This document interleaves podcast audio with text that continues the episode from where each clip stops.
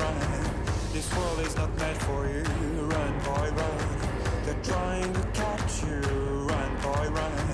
Running is a victory. Run, boy, run. Beauty lies behind the hills. Jú, heilum, ég veit ekki hvernig að stoppa þetta lag það er alltaf einhvern agaleg svona trómu trómutaktur í þessu Já, þetta er sundir Það er verðum að gera það Herru, heil og sæl kæru hlustundur Það er Viljóð Freysa Dalar og með mér Andri Geir Við erum búin að fá góðan gest sem við flugum heim frá Katar. Andri? Já, Bjarki Már Ólafsson, verður velkomin Já, takk fyrir það. Herru, þú valdi lagið. Já, Hvað er að tala um? Er það þetta er eitthvað- bara góðu taktur í þessu. Já, Fínt ég að byrja á þessu. Góð byrjun, sterk byrjun. Þetta er komið inn á, inn á Túborg playlist okkar, Stíð Túborg. Já. Fer þar núna, þar sem maður getur hlusta á þetta. Þurfum að vinnast á það okkar maður í Túborg. Já, Lokkaði inn hann 160 km á undir, hvað, 24 tímum? Já. Vann Kom- hérna Hengil Ultra. Já, vann það bara. Hvað er það sem þú löp í Bergi? Lengsta, Já, ég er skemmtiskokkari ok. og ég sér af mér í nesringnum. Já, hann er góður líka. Hann er, enda, 75 hann er ekki góður. Hann, hann getur verið svolítið strempið þegar þú fær út fyrir gólfull en í skemmtiskokkinu þá sleppur þetta. Já. Nei, við Andri erum sammála því að hérna, ég er að horfa á sömu hlutina allan tíma Esjan er þarna og hún er þarna því ég er búin að hlaupa 5 km og svo fyrir hinum einn þá er bara keilir og ég er að horfa það allan tíma líka. Þú ert svolítið, þú, þú verður svolítið að praktisera núvitund Já, í þessu ring Einmitt, og það er það sem að ég og ég vandra með í laupunum sko. Ég Ég Ég var helst til að vera í nýjum heimi á svona tveggja mínútna millibili já, þú ert bara svona inn í hverfum að hlaupa og, Já, þú veist, e- ef ég myndi ráða væri þetta bara eins og tölvuleikur sko. Mm. Ég væri bara allt í einu komin, hérna er bara eldur og svo bara tvær mínútur tekið beigju og ég er komin bara í, þú veist, eitthvað allt annað. Mm, leið og vegalendin er það löng og ég sé bara eiginlega ekki fyrir endan á henni alltaf sama umhverfið þá hefum náttúrulega líka sko bara döð leiðast já, það er náttúrulega martröðin og, og búist einn okkar maður og það er bara túborkongurinn hann hérna 166 km í fjalli. Það er bara, í einum rikk já, var 23 kl- þrjá klukkstundur að þessu. Og sko, og það er, lítur að vera leiðilegt heima hjá honum.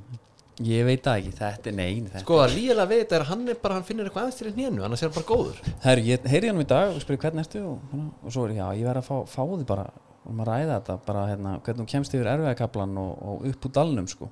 Já, menna, og hvað er Herri. erfiði kapnið langur hérna 100 km er það ég hef haldið hans að, já. Ég bara, því miður lendi bara allir í því. Hann, hann hefur bara náða að slökkva á hausnum á sér eitthvað. já, má, ég held þetta sé þannig. Þú ert, að hlaupa svo mikið og þú, þú hérna, það, það verður eitthvað róf í höfðuna þér. Þú bara tekur burt bara lífsviljan rétt á meðan. En tengist ekki bara einhvern þannig að þú ert veginn ekki með neinar heilabrutir í hann sko lengur, þú ert bara að hlaupa ég segi þú, þú upplifir bara eitthvað nirvana eða eitthvað svona þegar þú, þú nærða að aftengjast svona svakalega Mhm. í þennan tíma líka. Það lítur eiginlega að vera því að annars sko væri að hugsa um að hætta í 23 klukkutíma pluss ef þú væri eitthvað Já. að hugsa of mikið sko. Það er beauty, ég- beauty við nesringin sko. þú ert ekki að, að hugsa svo lengi. Þetta Nei. er búið að vera veist af. Já, ég, þetta er nákvæmlega sem ég lendi í bara hérna, vitandi á þess 20 km hlaup. Já, Það er 19 eftir já þeir, voru, þeir eru líka skiptið þessu niður. Já, já, 40 km búnir.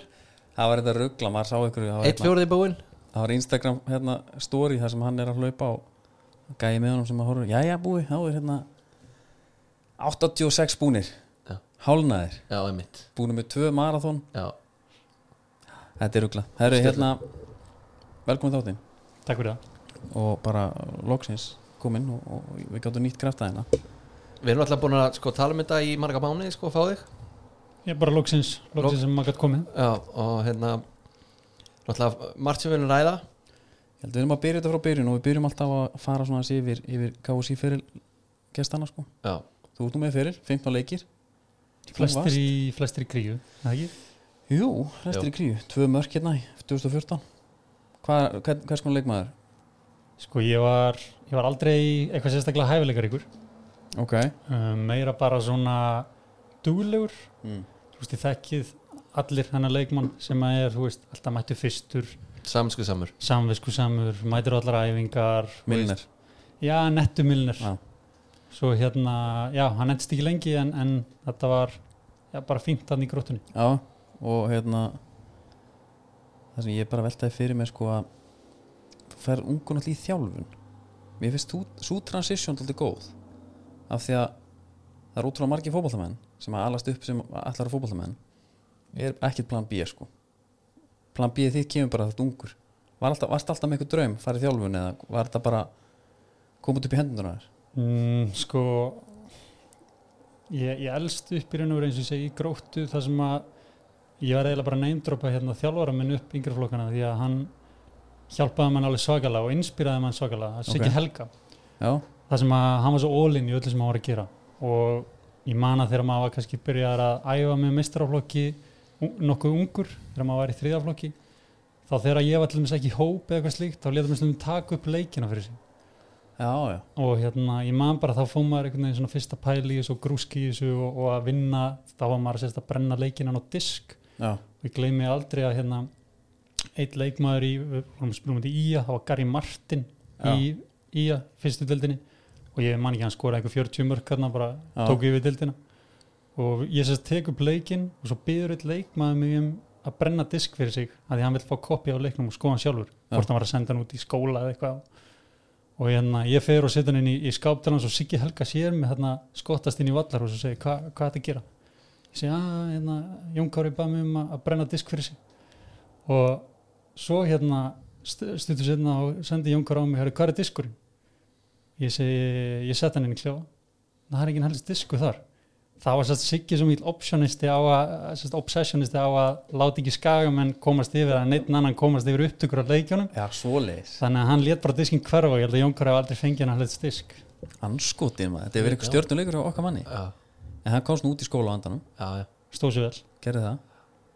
Beti, það, þetta er sko, þetta hefur ekki maður er ekki heyrt af þess áður þú hefur verið byrjaður þarna í einhverju svona Já, þarna var þetta saglust en þarna var maður líka leikmaður sko og, og svo, þú veist var maður bara eins og flestir eru maður var að spila FIFA allan daginn og fútbolmanager og, og allt það sko. Þegar maður hættir að- spila þá láða bara einhvern veginn beinast við að snúa sér að þessu. Já, þetta er, þetta er vel gert, aldrei pældi maður í þessu maður. Nei, sko ef, ef, sko, við ætlum að fara beint yfir í það eða, veist, þetta náttúrulega kemur svolítið til, þú skýst svolítið upp á sjónasvið fyrir svona hinn almenna fótballamann það er bara hann fyrir 2018 já, fyrir það ertu samt búin að vera heil lengi í þessu. Já, ég var í rauninni ég lendi sérst í því að þurfa að hætta vegna þess að ég með meðfættan hjartagalla og það í raun og veru var bara þannig að álægið á líkamannum þegar maður er farin að spila í meistaraflokki og æfa á fullu og svo framvegis að þá kannski var hjartað og, og hérna kerfið hjá mér ekkit endilega þóla það álæg þannig ég þurfti bara að púla út og hætta. Og þjálfar þeim meistaraflokkskalla þá eru Ólafur Tryggvi Brynjólfsson og, og, og Jens Sæfarsson og þeir taka mér í raun og veru bara beint inn. Ég man að ég, ég mæti út á æfingarsa eftir að ég fæ fréttina frá lækninum og, og þeir segja mér, hérna, læknin segja mér að þetta sé bara búið, ég mæti beint út á völl og það er raun og veru bara tekið á móti mér þar og þeir segja, "Heyrðu, þú kemur bara inn í þetta með okkur. Verður bara í teimin okkar í sumur já, og það var rosa stert til að byrja með uh, og í gróttu þá fæ ég strax mikla ábyrð ég er hann yfir þjálfari nokkuð ungur og farin að taka svolítið virkan þátt bæði í yngri flokka starfunni hjá þeim og meistaraflokknu líka. Og svo eins og þú segir 2018 þá kannski fæ ég að, að vinna með heimi í aðranda heimsmeistaramótsins og, og þá fóru hlutinni svolítið hrætt að gerast. Einmitt, ka- kannski áður, hérna, alltaf gróttan það verkefni og, og missjónið þar er, er merkilegt sko. Að koma þessu hérna upp, upp með alltaf þessar dildir Óskar kannski tók svona hitan af því máli einhvern veginn, já, já, svona út á við en hérna þú ert í, ég meina þú ert einn af þeim sem að tekur eitthvað til hann hef ekki Jú, jú, við vorum í raun og veru bara svolítið hefnir að á þessum tímapunkti þá var mikið ströggl á gróttunni, þetta var svona jó-jó klúppur, það var ekki margt í gangi, hvað var það bara veist að það, það voru ekki margir heimamenn að spila, það leikmenn spiluðu vanalega upp í annarflokkin og hættu svo bara, já, þannig að við sáum það alveg sérstaklega þarna að við þyrftum að, að gera eitthvað í málunum. Og það voru raun og veru ekkit það, við vorum hefni með, með það að það voru margir góði menn sem að koma að þessu. Magnús Örn Helgason og Óskar Rapp var hann á svæðinu fyrst að þjálfa yngri flokka áður en að tökum við mestaraflokknum og, og, og fleiri góðir. Já, og þetta var meira bara svona einmitt það voru allir meðvitaður um að það þyrfti að gera eitthvað og, og við réðumst bara í það já, er sko ég er nefnilega man bara upp alla yngri flokkuna mína. Ég, veist, aldrei hafði maður þjálfara og aldrei vissi maður að þjálfunum sem voru með eitthvað filosofís einhverja pælingar. Þetta var yfirleitt bara herru það er bara fjóri fjóri tveir takk hérna sex héttar í uppbytun og svo bara let's go. Mm. þetta er, er, er þetta ekki svona bara ég held alltaf að gróta sér með þeim svona fyrstu liðan sem tekur þetta einhvern veginn svona föstum tökum af því að kjölfæri fylgjum með núna alltaf með blikana og, og hérna vikinga en þetta er alltaf meistrafórslefili Já, ég, ég held einmitt að svona þessi vitunda vakning hafa átt sér stað ekkit endilega út af gróttu, heldur bara almennt. Ég held að umræðan á Íslandi sé alltaf að eblast hvað kemur þegar snýra því að að ebla faglegt starf og, og að að félug sé að marka sér einhverja stefnu og svo framvegis. Já, og við í raun og veru jú, jú, tímapunktunum var bara réttur hjá Já. gróttu, ekki það að við hefum verið einhverju brautriðjundur eða neitt svoleiðis, það var hitti bara þannig á einhvern veginn. Hóvar En hvernig hérna sko, þú ert tekin hann beintin í þjálfarnatími en hvenar ferðu síðan að pæli í þessum gögnum og hvernig kemur það inn Ég sko, ég tekin inn í þjálfarateimi þannig að hafa Óla og Janna sem að gera með að drillu þjálfara. Ég fekk alltaf að mæta með nýja og nýja drillu. Ég vissi ekkert hvað ég var að gera. ok,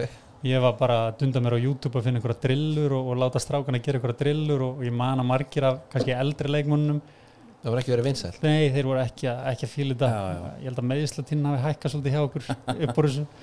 Nei, nei, og hérna, ég fer ekkit út í þetta neitt fyrir en kannski bara á, maður er á þessum þjálfara námskeiðum og þar er snert svolítið á leikrenningu og, og þá meist, mestmegnis svona taktískri leikrenningu og ég byrja að vinna í raun og veru bara fyrst með KSI og heimi og, og hérna það var svona svolítið uppsprettan að ég fór að dempa mér út í þetta en maður hafði kannski snert á þessu að einhverju leiti en litlu leiti inn í gróttum. Hvernig kemur bara ég, ég þekki ekki, hvernig kemur það til samt að, að, að þú fer að vinna með KSI Sko ég er búin að vera vallastarsmaður áður en ég byrja að vinna hjá KSI þá er ég búin að vera vallastarsmaður í einhver sex ár á, á löðsvellinum. Já, en ég er búin að vera að klippa gras þarna og, og, og stúsast í því alveg í mörg mörg ár sko. Þannig að maður Ok. fekk alltaf að vera í kringum á og það var svolítið líka strategist hjá mér að því að þegar ég byrjaði að þjálfa og hætti að spila þá var ég líka að finna með vinnu yfir sumarið. Maður var ekki bara að spila og æfa.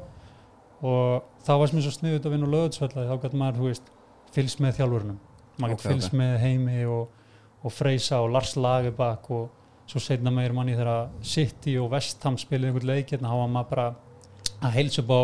Pep Guardiola og eitthvað svona dæmi sko, sem að var brjálæslega ekstríma því að ég sagði við yfirmannum minn kitta á, á vellinum bara ég vil, þú veist, horfa allar já, og maður fekk bara að horfa á þess að gauðra og læra af þeim non-stop sko. Já. En þú hefur samt hérna greinlega verið þú veist, þetta er náttúrulega þetta er next level forsjálfni sko. já, og þetta er, þetta er metnar, þú er greinlega svona áttið á því þetta væri svolítið þín braut. Nokkuð snemma. Já, ég, bara þegar ég var sjálfur að spila þá var maður alveg, held ég, bara eins og flestir með rosa svona stórar hugmyndir um hvað maður vildi gera. Já, Þú veist, ég er ekki flestir sem að segjast ætla að fara í atvinnumensku og Já. komast í yngri landsliðin og maður upplifði það kannski svolítið að einhverju leiti með því að fara á reynslu til Englands og, og fara í nákvæmur úrtaksæðinga með 19 ára landsliðinu eitthvað svoleiðis. Uh, og þá sá maður, herrðu, ok, þetta er actually veist, það sem ég langar að gera, en um leið og það er kött á það, þá var ég bara að finna eitthvað annað form. Veist, ég ætlaði ekki að hætti í fótbolta heldur ætlaði ég freka kannski bara ná að að feta þessi, þessa leið nema ekki sem leikmaður freka sem þjálfari. Mm og þá svolítið fóð maður að hugsa hvað get ég gert? Og, og það fyrst besta sem þú gerir ef þú vilt byrja, það er að reyna að læra einhverjum öðrum og, og, og, og svolítið bara menta þig. Já.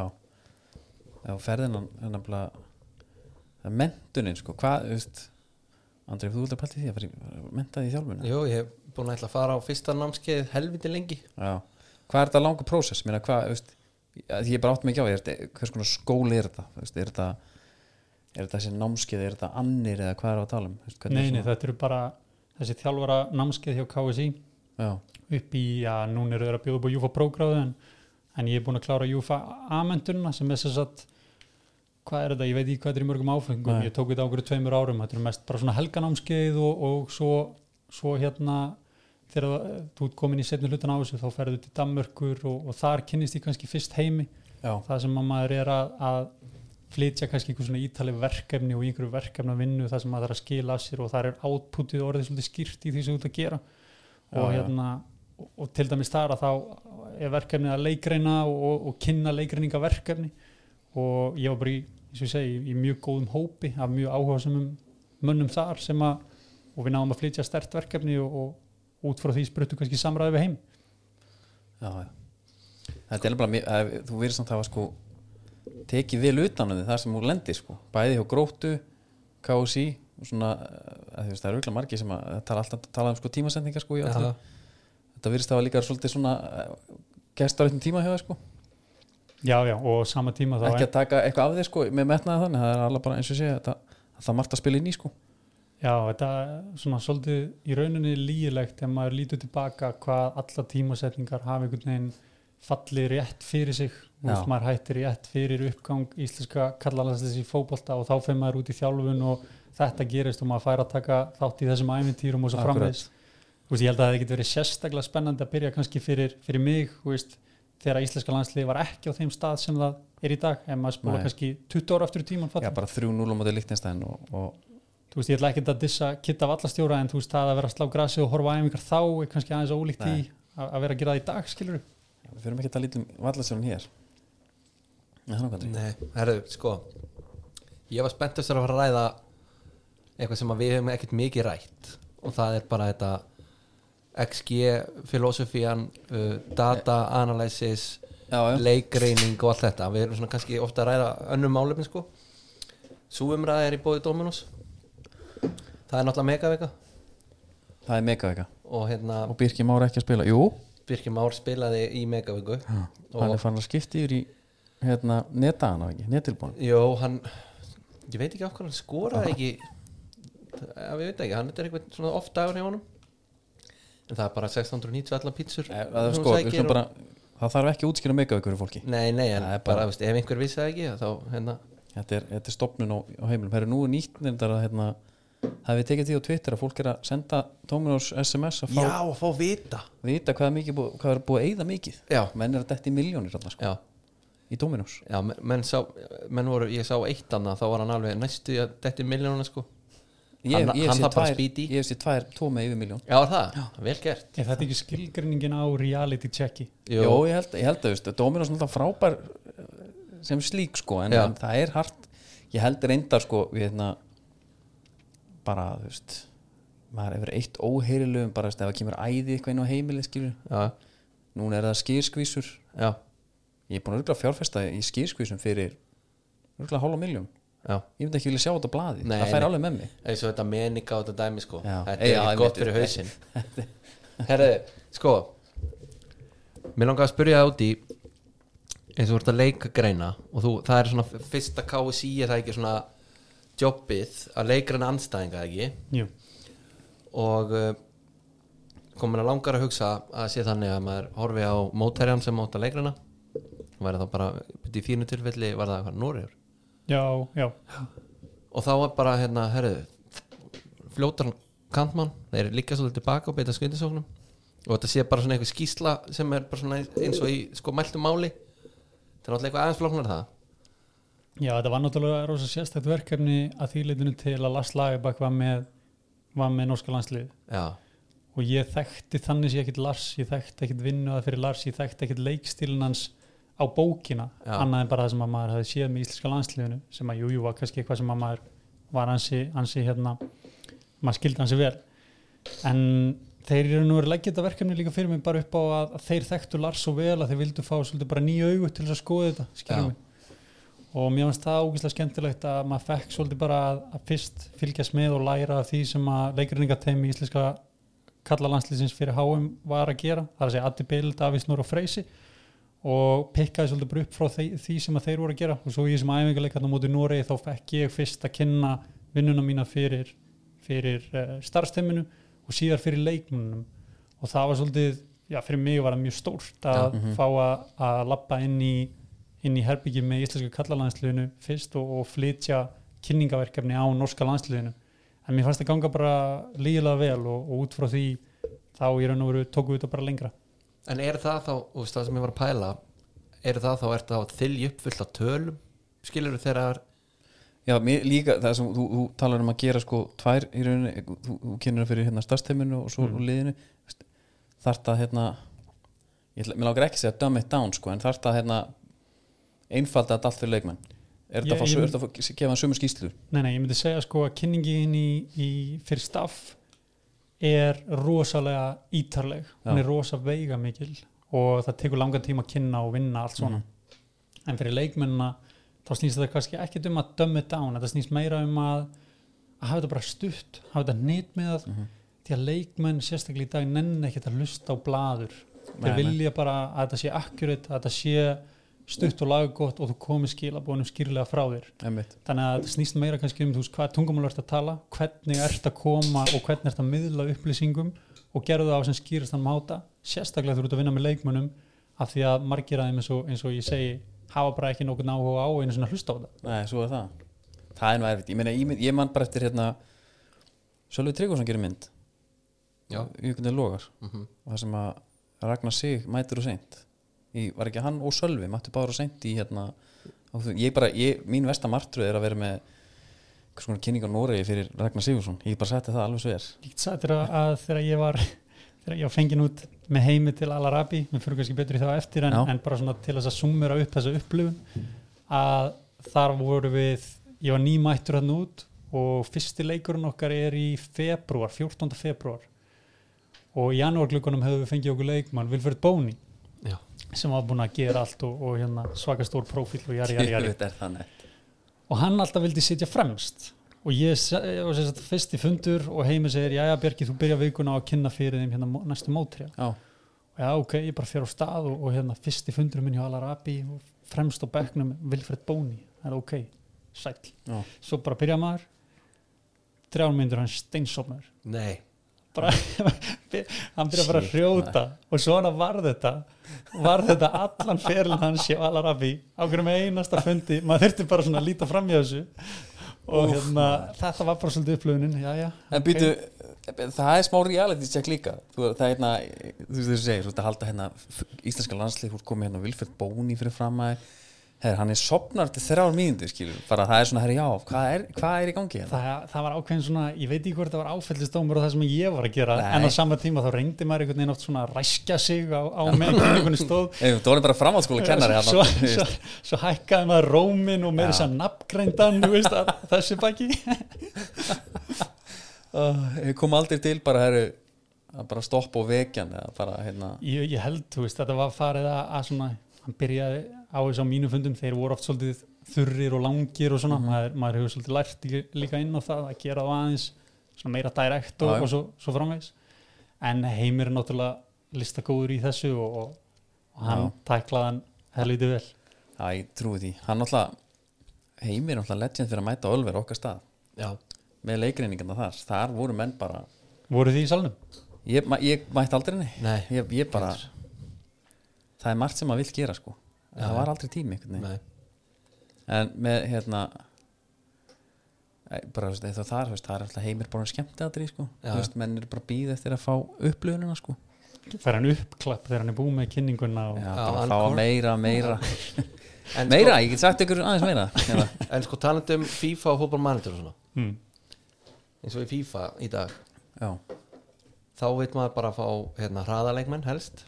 Uh, skammar ekkert fyrir, eru sterkir og jafnvel að séu góður í skotum leikmenn sem eru með eh, gott touch góðar sendingar þeir skipta engum máli í FIFA, nánast já, og ég var nú að pæla með umræðin dag hraði er allt og eitthvað svona Mm. er þetta bara að færast yfir í raunveruleikan eða?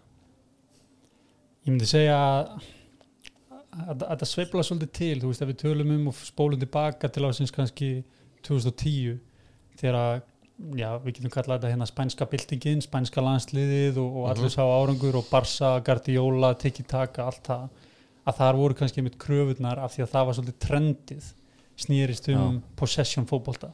Þá þurftur að vera on top of that sko. í dag er þetta snúast rosa og hefur snúist rosa hratt í áttina að þessu high energy, high pressing fótbolta. Og þú veist það er meiri segja að shiftast aftur, skiljið mig. Já, þannig að þú veist, ég myndi segja kröfur leikmanna miðast oft rosa út frá bara trendum og í dag er jú, speed is king og hefur verið núna í nokkuð langan tíma. Ég las grein hérna bara í dag fæk sem ég fann á netinu.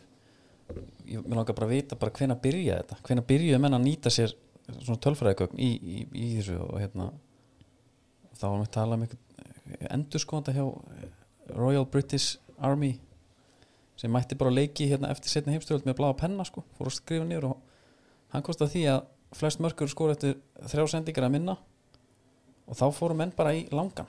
Já, og bara og, í alvörunni þú veist, það var bara svo var það bara svolítið dominerandi dæmi og hérna það er ennþá, ennþá, ennþá, í dag sko sumstaðar já, já bara langur í bóksi sko. Ég var að, þú veist, að því ég var að pæla í þessu ég er kannski aðeins meiri romantíkar heldur en einhver svona raunsæðismæður þegar kemur þessum tölum Mm.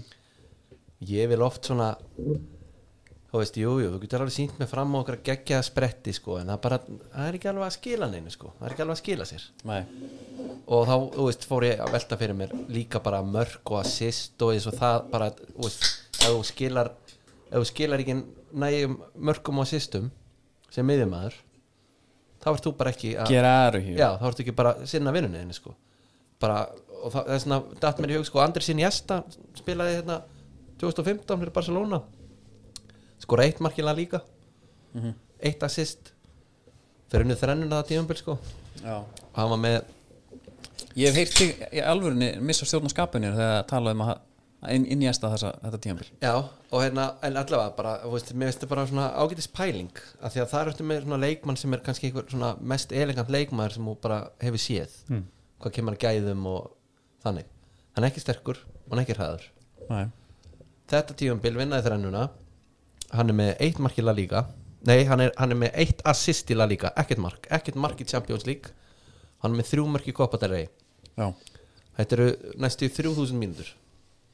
Hann er samt aðal maður hann í liðinu, þannig séð. Það reyndar var sko Messi Suárez Neymar fyrir framann En þetta er einmitt það sem að, það sem að maður verður svo mikið var við að startar ef við tölum um, þú veist, oft á tíðum væskáttgögg til dæmis og, og þessi gögg sem er oft rosalega mikið í umræðinni sem að heita annarkvort jú skot eða krossar eða, eða XG eða hvað það er. Mhm. þú veist, þegar við förum í gagnagreiningu að þá snýst þetta oft svo mikið um að að horfa á aðdragandan fremur en endilega útkomuna, skilji hvað er að fara? Já, já, að til dæmis í tilfellinu sem þú nefnir þarna með Iniesta það er hversu hver er fjöldi kannski sendinga sem að hann á, sem að skapar stóðsendinguna og svo Já. framvegis þannig að það er til sko, ef einhver myndi segja við herri, þetta var slagt tímabæli honum þá eru örglega einhverstað tilgögn sem myndi sína fram á annað með þá einmitt þá einhverju sem að væri kallað í körubólta sekundassist og eða en út með eitthvað bara key passes og eitthvað Já. við, við tölum um í fótbolta bara contribution rating Já, já. það er að segja hvað ert að contributa já, sem að þurfi ekki endilega að heita mörg stóðsendingar eða eitthvað svona end product related dæmi? Hérna, er þetta, byrju, hvað sér, contribute? Contribution rating, hvað þú ert að Já, og þá færa bara einhver engun sem er þá bara samastendur af einhverjum gildum varnar sóknar eða ertu bara að tala um Þú getur verið með bara svona overall og sorry, alla slettunar auðveldar þetta. En þú veist, það getur verið svona overall contribution. Þá Já. ertu bara með almennt. Og þá getur þú sótt í samanbröðgögn miðjumanns versus aðri miðjumenn í deildinni eða hvernig Mhm. það er og sé að þessi gæði er að contributa og ef þú vilt fara að rýna nánar í það þá getur þú sé hvernig er hann að contributa þú veist, er það í einmitt sendingum og þá getur þú fara að sko hver, hversla sendingar er þetta. Einmitt.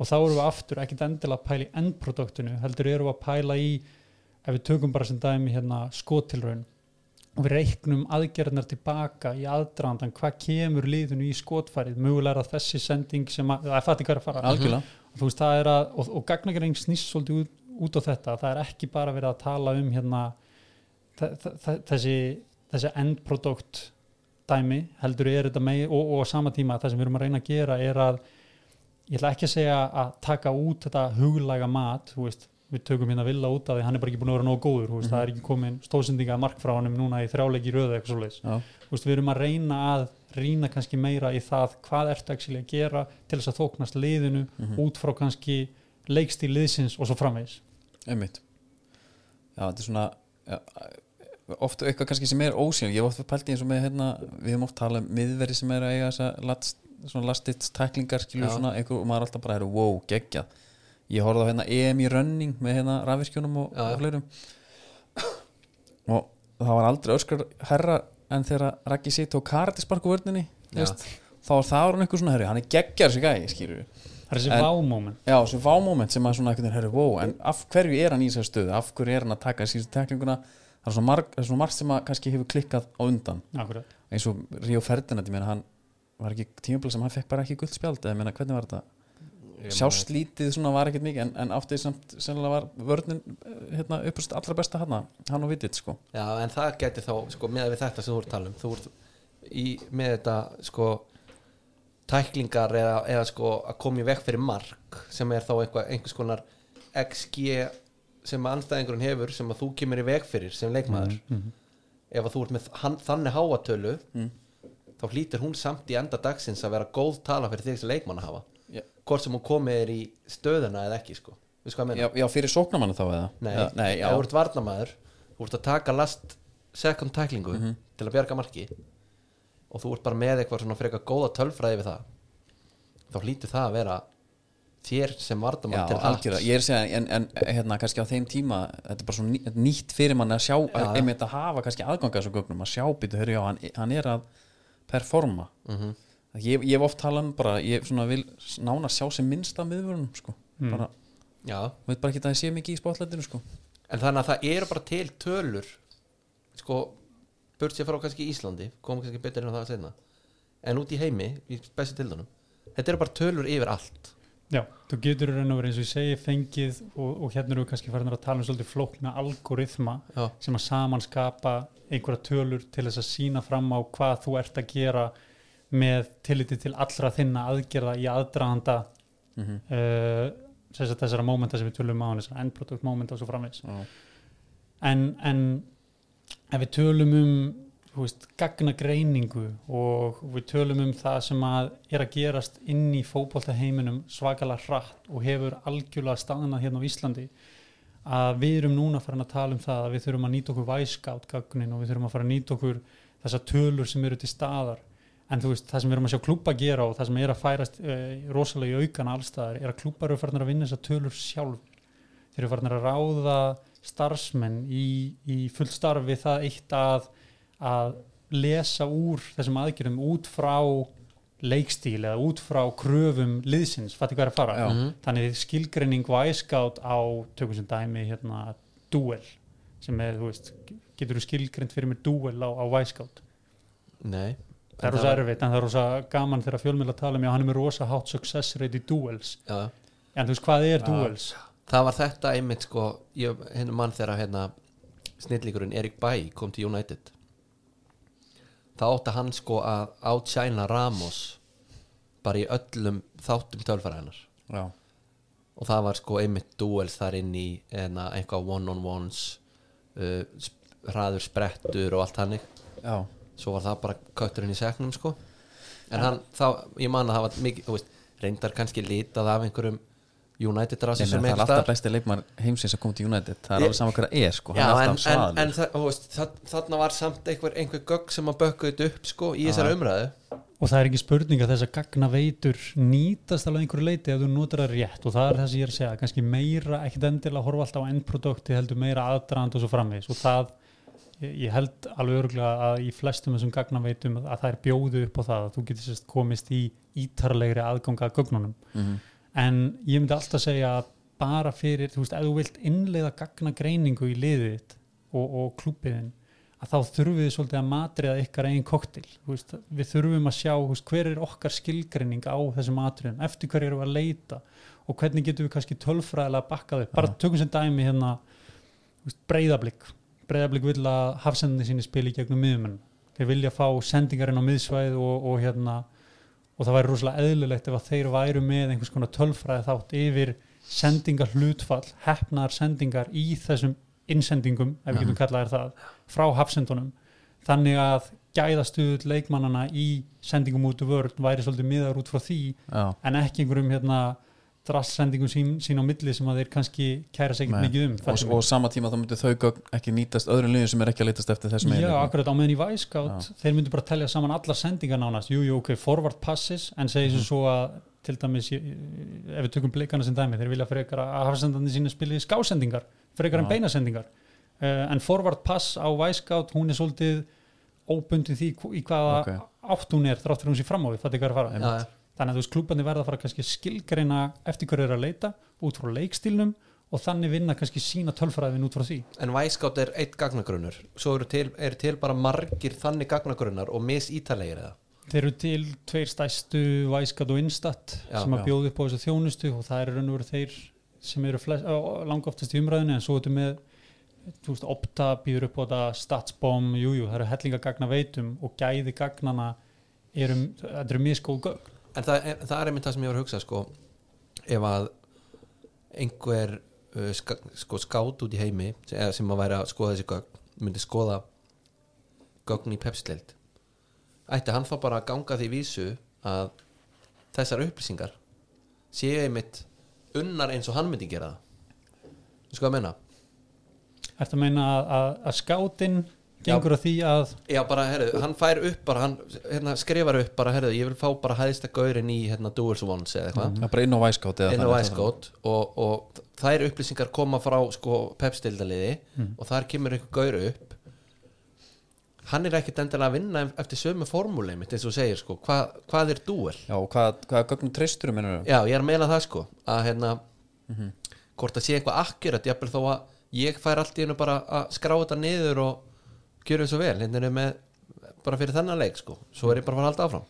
Og það er held ég það sem að þú veist þessa þjónustu svolítið upp á eins og Wisecout og Instat og allt þetta þú veist skilgringin á þessum á þessum hlutum, þú veist, þetta er svolítið vítt allt skilur hvað er að menna, þetta Já. er ekki rosa specific. Já, og upp á einhvern svona filter að gera, jújú, jú, þá nýtist það. Þú veist, þú vilt ekkit vera að skoða leikmenn sem að tapa öllum návíum, Já. þá bara filterar það út þú vilt ekkit vera að skoða leikmenn sem að klúður öllum sendingum, þá bara Nei. filterar það út Já. en svo þú vilt fara að reyna í eitthvað meira specific út frá leikstíl þíns liðs já, að þá þarftu kannski einmitt að skerpa því og vinnuninni og, og, og verða meira specific í gagna greiningunni Já, já, þú veist, þú þarf þá að vinna það allt sjálfur ég meina, það er, er það ekki eins og, fyrir, eins og bara fyrir kannski bara veist, alarabi að, að, hérna, að leikreina lið uh, þið viljið vantilega vinna með eitthvað eigin gögn eins og segir, það er liðin sem ég fann að svolítið gera það meira heldur en að nota þessa veitur. Er ekki að meina það í, ég, ég bara að segja sko að, að til dæmis ef við, ef við tölum um þessi leikmannamál að þá er alltaf fyrsti, segjum svo að þú ætlar að skáta leikmann eins og talar um að fyrsti filter er kannski bara ansi stór filter, þú þrengir þú þrengir ekkit allt of mikið en þú, þú notar data eða gögn til þess að, að sem svona fyrsti filter þetta er bara eins og þegar í player search í fútbol manager í rauninni, í rauninni. Mhm. út frá því ferðu síðan að skoða vídjóin og það ertu farin að skapa kannski enn skýrar mynda því Já. sem að þú sérð og, og eðlilegast væri þá kannski að skoða leikmenn live einmitt, já, það, það var það sem ég var að tala um sko, hvort að uh, bara hva, hversu mikið af staffi er bara, er, einmitt að horfa á leiki að, að leikreina myndböndin og það, eða, er, er það er það bara þú í þínu tilfelli eða er það það er ósum mismundi eftir Já. einmitt stærð klúpa hverja kröfunar eru í rekrútmenti ef við tölum um Alarabi þá voru við í raun og verið þeirra aðstæðu að inn í Katar máttu bara vera með x marga erlenda leikmenn já, og við vorum nokkuð sáttir með marga af þeim erlendu leikmenn sem við vorum með Mhm. þannig þú veist, ef þú ert ekkit að skáta of marga og ert ekkit að leita af leikmennum í of marga stöður þá þarf ekkit mikið manpower í að, nei í að komast yfir þá vinnu sko. Svona, fjó, svona fjórða inn- innbyltingin sko, hún er víða. Já, Þú veist, þetta er ekki, ekki bara afgæslu kassarnir og, og, og hérna, ég átti nú frænda sem kalla bara prentarinn. Á prentsmiður sko, já, hann er ekkert ekki í dag. Nei, það er ekki prentsmiður í starfi sko. Nei, nei. og hérna, einmitt að skátarnir sko, þessi gömlu hérna sem að mættu hérna bara kannski, já, bara daldið þunni sko á vellina að horfa leikina sko að þetta sé orðið bara með tæknir menn, menn horfa það bara á vídeo og, og svo er bara einhver gærin í herbyggjum að, leikreina sko. Þeim muna aldrei dett út af því að augað er miklu miklu aftur að það sem ég tala um á hann þetta kontekst eða samingi sem þú setur hlutin í að þegar þú ert búin að þjála upp gott auga og ert með góðan skilning á því hverju þú ert að leita og sérstaklega þú vinnur lengi fyrir sama klubbin og, og með sama stjóra og svo framvegis þú veist þar ertu komið með miklu miklu dýrmætara dýrmætari vinnu heldur en einhverju filterar og vídeo skilur að fara. Algjörlega, algjörlega. En það mun aldrei dett út. Nei, en er þetta, þú veist, þessi gögn er þetta ekki svona svolítið ástæðan fyrir því að jafnvel menn sem eru þokkala mikið inn í fótbolta er að frétta mönnum kottnungum seldir út í heim sem að maður hefur kannski aldrei heyrt talað um herru, þessi er svaðalur veitir hvað ég meina? Svo allt er hann bara seldur út Meina, Býtu hvað mennur ég er bara að tala með þessi gögn og þessi sko, ef, ef að þeir eru til eins og hér heima að gæinn þarf ekki að taka Kol Kolbin Sigþórsson og skora fjögur á móti Rúslandi til þess að vera á leiðin til Arsenal heldur hann er bara með einhverja geggja starta Já, sem ég hef kannski aldrei séð. Tökum bara sem dæmi, þú veist, Ísak Bergmann. Ísak Bergmann er gott dæmi. Já, það er bara leikmaður sem er með brjálæslega góð stata já, fyrir þetta gamlan leikmann. Já, Þú veist, hann, er, hann er kornungur hann er með rosalega hátt contribution ekki bara, og jú, svo er endbrótið hans líka hátt, hann er að leggja upp hellinga mörgum hjá Norrköping já, og hann er að gera þetta á mjög decent leveli. Já. þú veist, þegar svona ungu gaur er að gera þetta mikið og er að spila þetta mikið þá klingja bara hann, það fær bara svona red flag. Hann kemur bara upp í öllum leitavilum nákvæmlega, já, og hann fer ekki undir því ratar, þú tapar ekki svona leikmanni en aftur þá skiptir svo miklu máli að gagna að, að, að framistuðugögg leikmanna að það sé verið að miðla þeim. Og þetta er kannski Akkurat. aftur að, að gaggrinni svolítið á það sem er í gangi á Íslandi. Að aðgengi að gögnum hefur ekki verið nóg gott. Að gagnagrunnar íslenskra leikmanna eru ekki mjög ríkir. Og það hefur ekkit verið neinn vinna lögð í það að miðla gögnum íslenskra leikmanna sem er að spila á Íslandi annarkvort í efstu deild, næst efstu deild. Þú veist, ef þú ert 15 ára og byrjar að spila í annara deildinni, það mun engin vita hver þú ert. Þú veist, það er bara eitthvað sem að sést inn á einhverjum KSI síðu og, og hvergi annars þar og samanskapi, ef þú ert efnilegast og ert rosa sterkur í öðrum flokki til dæmis þú, þú, þú eina leiðin til þess að komast á framfæri er að þú ert að spila með yngri landsliðum. Já, Mhm. að þeir leikir eru stattaðir. Já, og það er lent að líða í grunni.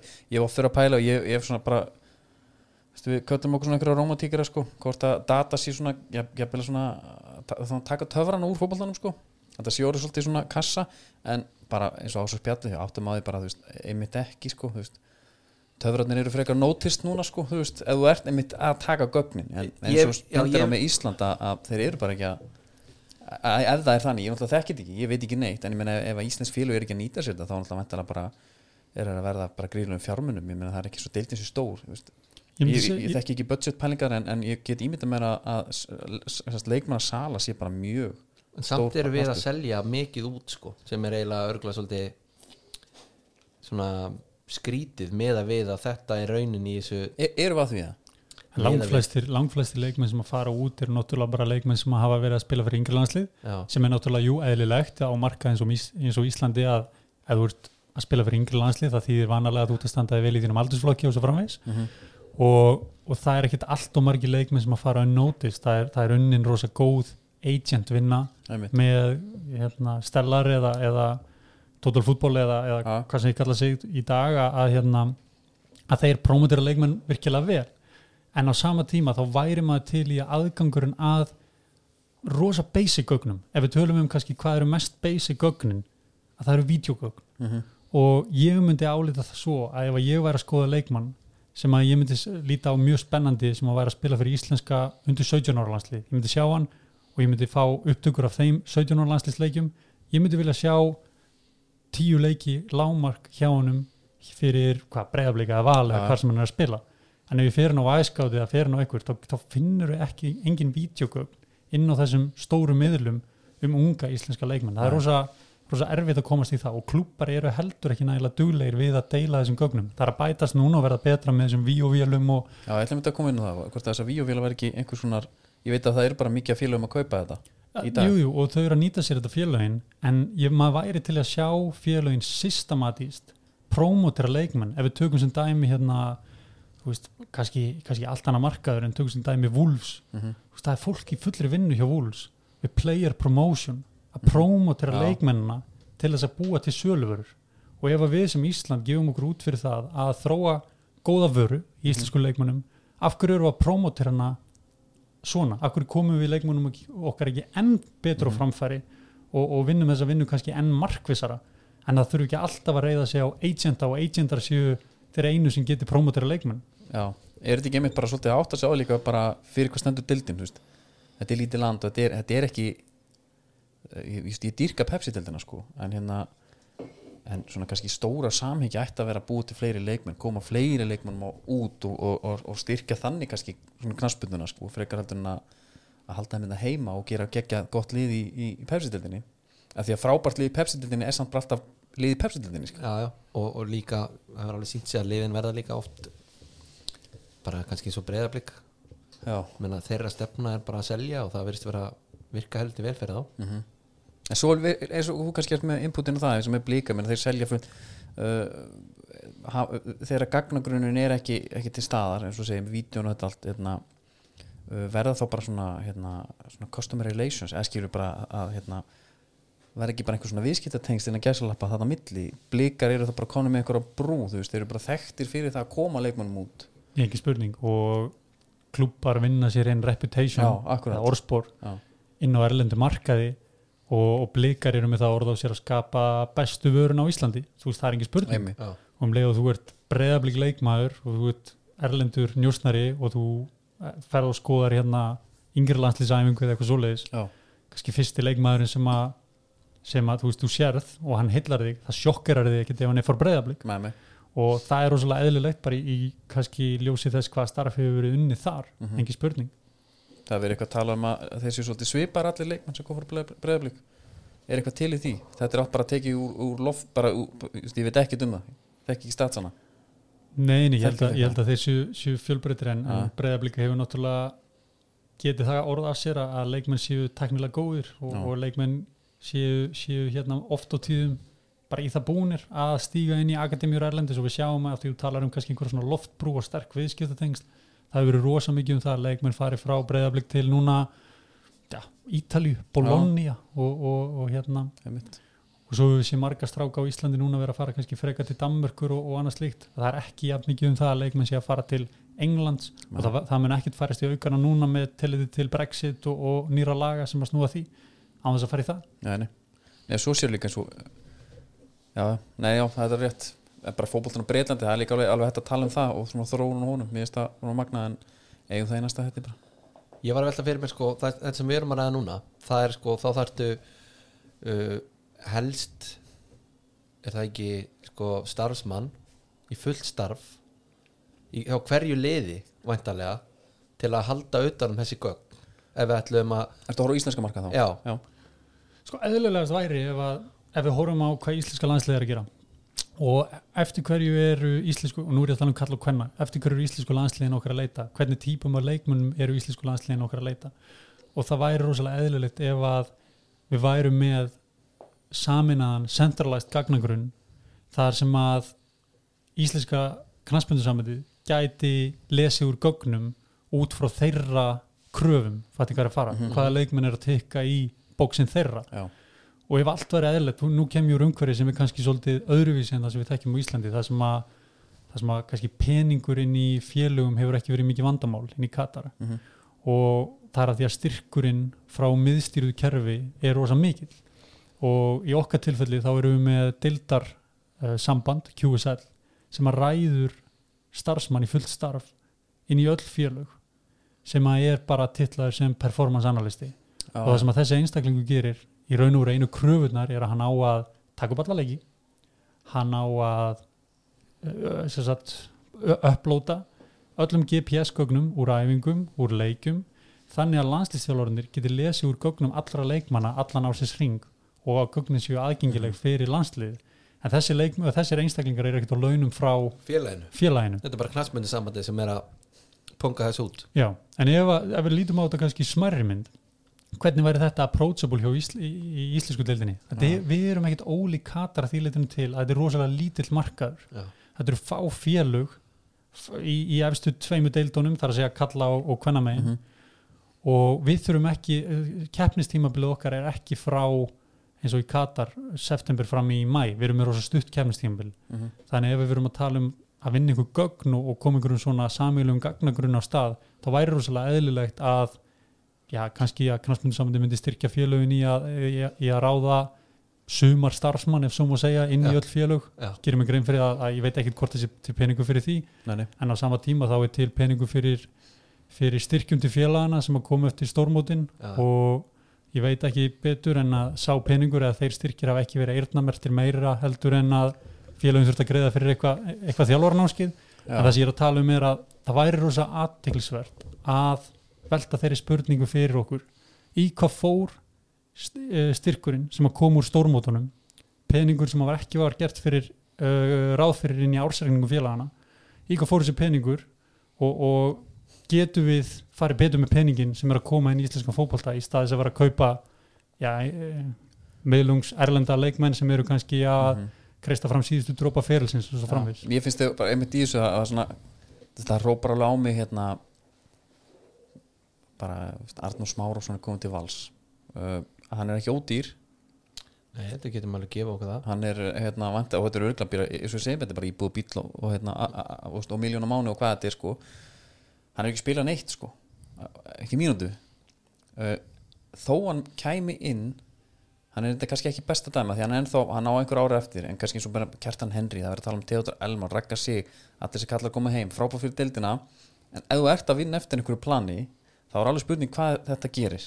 Þar- ertu, ertu að halda einhverju mönnum vantalega Rómatíngin er væntalega að trompa hérna göglin sko í þessum Já, en þú veist, væri, það hefði verið samtalið kannski sniðu bara hérna uh, að nota hlut af einhverjum þessum kaupum sem að setja svo bara á bekknum og það er ekki í bara eitthvað stöðugildi, herru Arnar Þór Veðarsson kom inn á þetta sko þá var hann reyndur ekki að tala um sko starfskraft heldur bara eins og laupavestin Mhm. að honum finnist það að vera bara sko át á dæmi að sleppa því að kaupa eitt leikmann og græja vesti á línuna. Uh, við erum náttúrulega að tala kannski við erum ekki ennþá komið inn á hérna þessar hlaupatölur. Nei, nei, sem eru svona svolítið mikið í umræðu núna.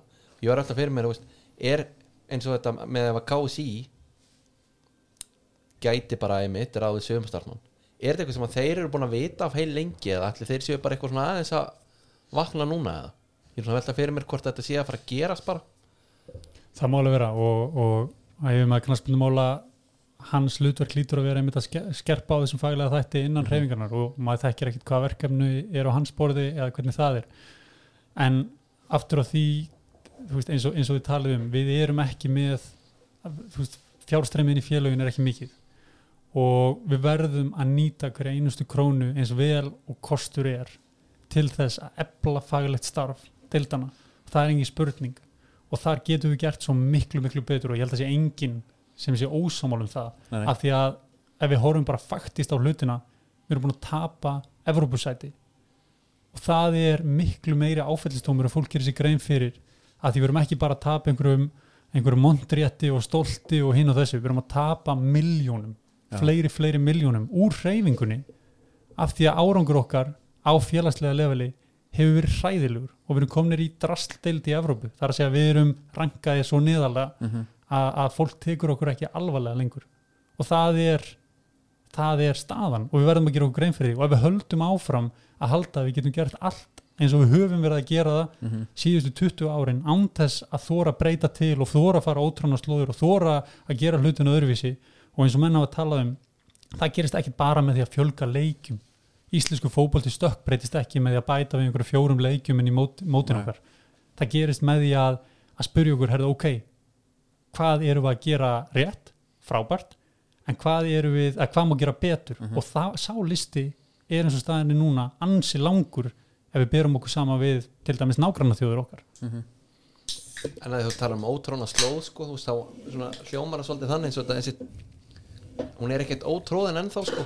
Þessi sko fyrir gagna- okkur, fyrir okkur. Fyrir okkur já, en, já, veist, en ef, ef maður ætlar bara að vera samkipnisæfur að vera þá ætla að gera svipað sko. Menn töluðum það fyrir fyrir 6-7 árum síðan að já, já, nú er kannski laga að fara að ráða styrtarþjálfara inn hjá félónum já, þannig að því að allir verða að vera hraðari við þurfum að geta að hérna unnið líkanlega þættunum og minga meðslatíðinni bla bla bla. Þú veist það er eitthvað sem var í gangi fyrir 20 árum síðan í, í Evrópu það var rosa stórt skref hjá okkur og núna eru flesti klúbakonum í styrtaþjálfara. En þú veist við þurfum að taka þessi skref hvort það er styrtaþjálfari hvort það eru full-time markmannstjálfarar hvort það eru analytikarar eða, eða, eða hérna, einstaklingar sem að halda utanum einhverja stefnumótun innan klúbana og, og leikmanna kaupstefnur og annað slíkt. Við þurfum að fara að búa til starfsteimi en ekki bara þjálfara á Mhm. Íslandi já, Mhm. og það er líka eitthvað sem við verðum að velta fyrir okkur ef við tölum um þjálfara sem hafa farið erlendis hvort það er veist, Óli Krei, Rúna, Rúna Kristins eða eitthvað svoleiðis, oft á tíðum höfum við ekki náða að, að skapa þjálfara teimi við erum ofta að líta okkur bara sem einstaklinga.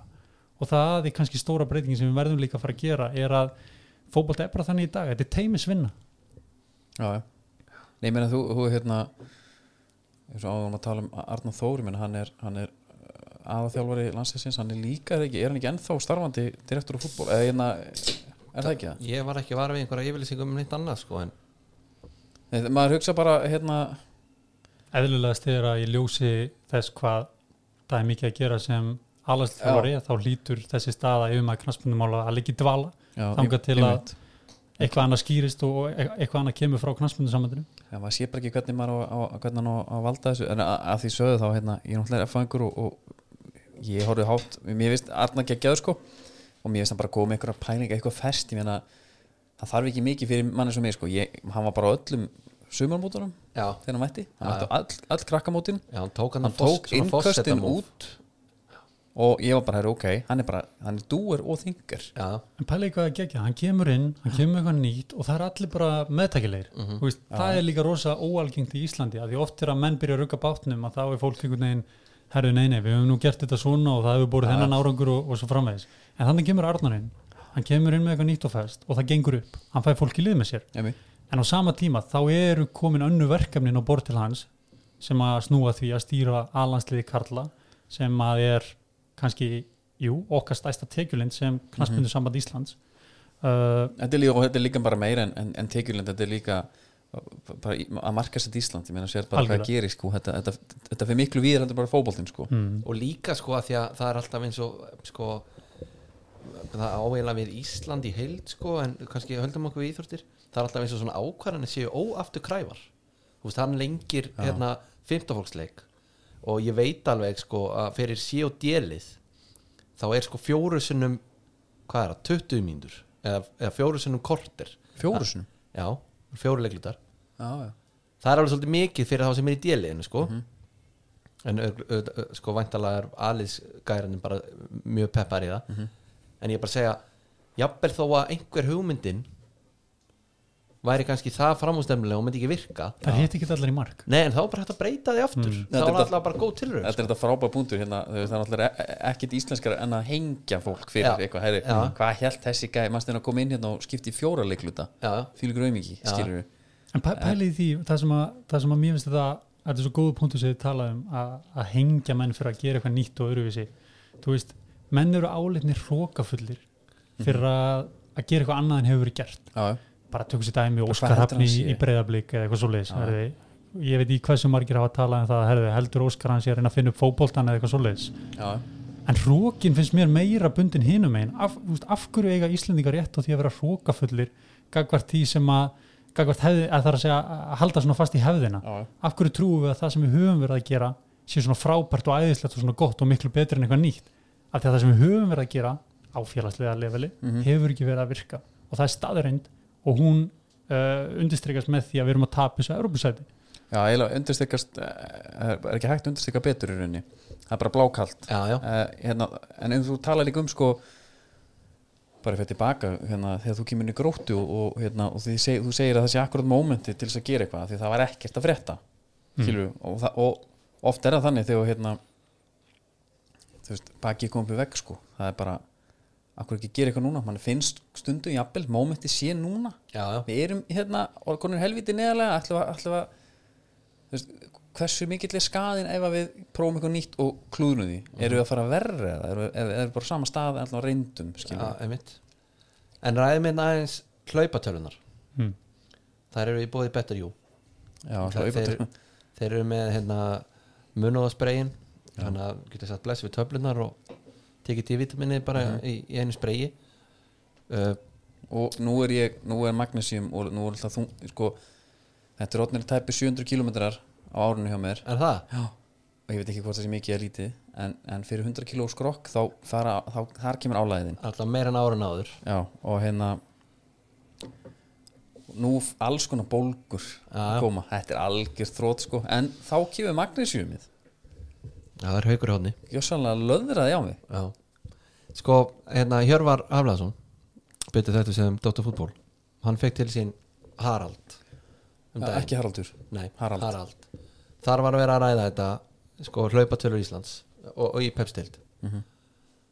og ég hafði nú einhvern tímann heyrt það sko og finnst sjálfur að segja mér einhvern tímann frá því að að pepstildarleikmennu var að loggin sko svipu um kilometrafjölda og það staðfæsti þarna jafnvel meiri en hann talaði um sko high intensity tölunar væru helmingi hærri.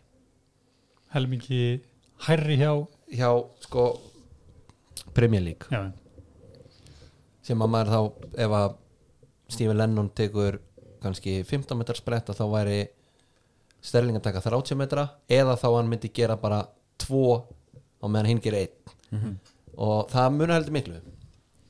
Ég var svona velta fyrir mér að því að sko við erum að tala um rómatíkina mér fannst aðeins hjálpa til þegar maður þarf sko að túlka gögnin. Það kemur aðeins meira rómatík inn í það. Já, og, og, jafnvel, og það þá ertu komið eitthvað svona huglegt mat ég er sammála. Vili, ef að þú myndir koma með eitthvað gögn til mín og ég gæti samt einhvern veginn viðfengt þau á einhvern hátt það fannst mér svona smá sjarmi við því sko. En ég var alltaf fyrir mér hvernig, þú veist hvernig stendur á því að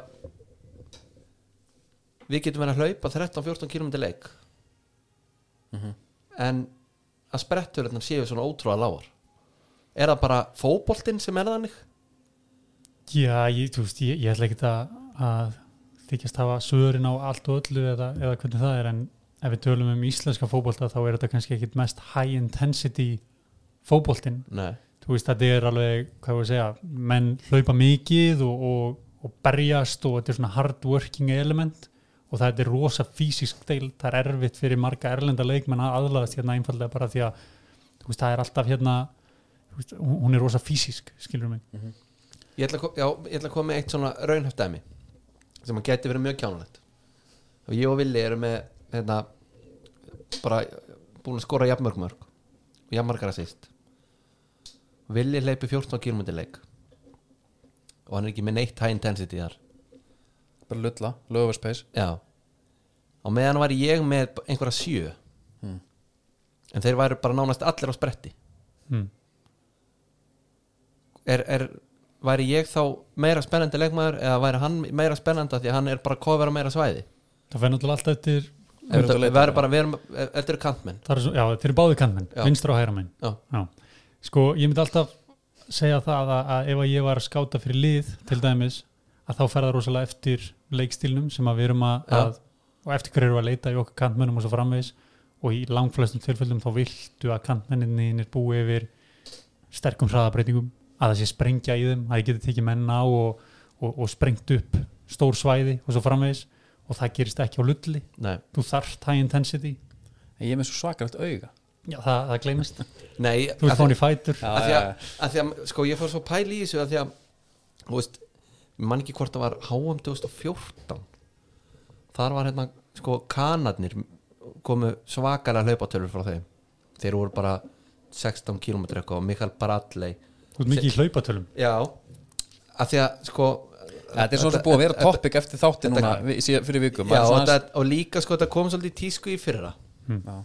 þegar hérna Já, alltaf með Pepsi Max mörkin stúkan kom með hérna Já, þeir- fór að byrta bara hlaupagögn. maður vissi ekki, þetta er þetta gott, maður vissi aldrei hvað maður að gera við þetta. Já. og maður sá þetta og maður bara á, herru.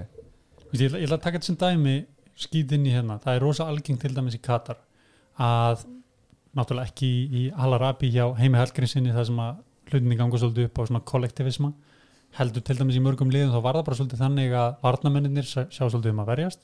Það er að segja kannski miðjumenn og, og, og varnamenn og svo fá sóknamennir bara svolítið frjálsræði. Þurfa ekki að verjast mikið. Þú lokkar ekki háu hvað ég var að segja, háum kílómetra fjölda. Nei. ef þú sleppir í alltaf að verjast og kvílir þig þegar liði verst. En svo að því að þeir vilja hafa þig feskan þegar boltin vinnst þannig að þú getur verið skyndisóknar option þú getur verið sóknar ókn og þá ert ekki búin að vera kannski klukkun marga kílómetra en svo allt í hennu þegar boltin vinnst þá sprengjur upp. Mhm. og þá endalega ferðu ríkur upp í high intensity. Fætti ykkur að fara? Algjörn, þetta, þetta er snýtt, þetta er eins og við tala bara hérna gamla Ísland þegar maður bara hent út af völl og spiliði Já.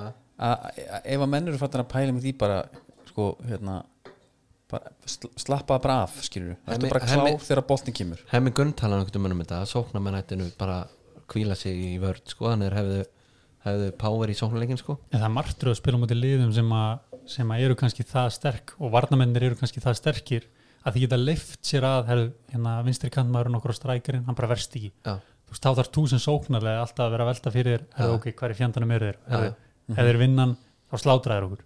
Ég sko, hérna ég en, en, að- en, sorry, svo ég klári þetta. Inn í íslenska mótilinu og þú horfir á Pepsi-dildina það er ekki algengt að lið spili svona. Og það er alveg, þú veist, við erum rosa kollektivistar, já, allir verjast saman allir bakki vörn og svo framvegis. Þannig að þetta er ekkit endilega high intensity en þetta er meira high volume. Já.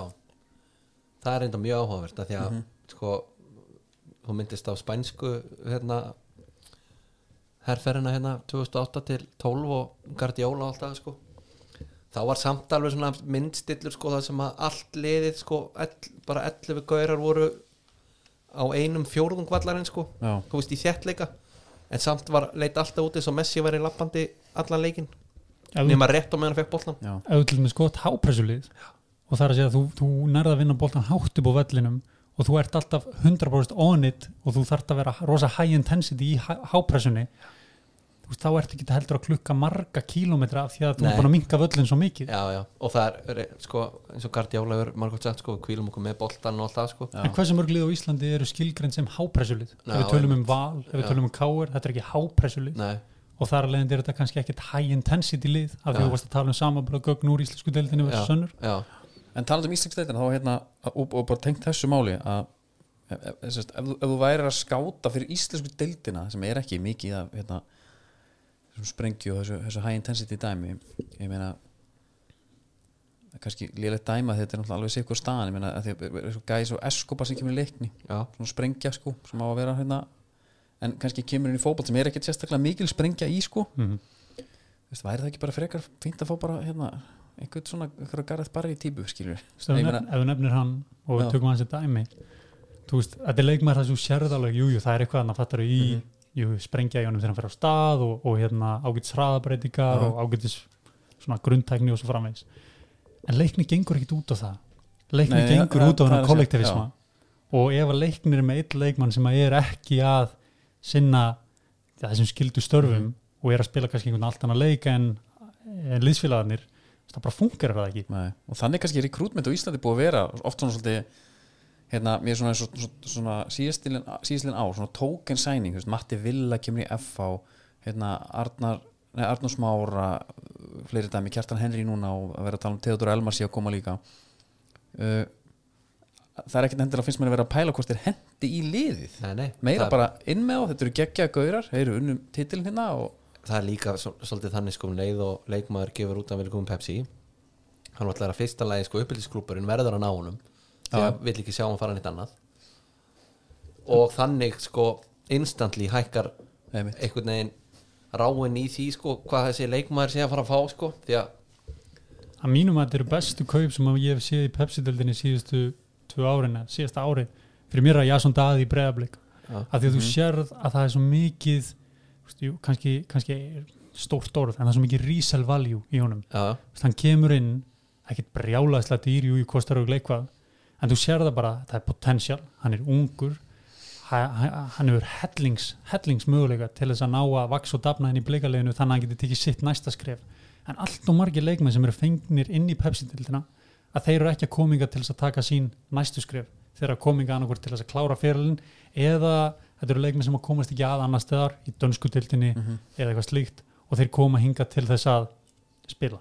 Einmitt, já, einmitt, til þess að spila og það er ekki þetta og bara, bara svona on that note, þú veist, maður oft heyrt um bara já, menn, þeir þurfa þá bara að breyta skilur, það það bara hérna, að, að breyta svona einhverju filosófi hjá liði til þess að kjartan henni njóti sín skilur já, já, já, einmitt, og þú veist, það þá þá bara spila eitthvað stilla eitthvað upp í kringum hann, þú veist, maður har heyrt þetta líka sko. En það, já, en svo líka bara einhver, einhver að koma í einhver lið og þá á bara að breyta sko, jáfnvel bara liðsuppsendingunni og öllu saman. ég, ég er að tala um það, það er bara svona spilað upp á hann. Við erum bara að spila upp á hann. Heyrt ykkur hvað, ef að íslensk félög myndu kannski þóra líka að vera svolítið kreatív í því að marka sér skýra kaupstefnu út frá skýrum leikstíl. Við vitum nákvæmlega hvað við viljum við vitum nákvæmlega hverju við erum að leita eftir.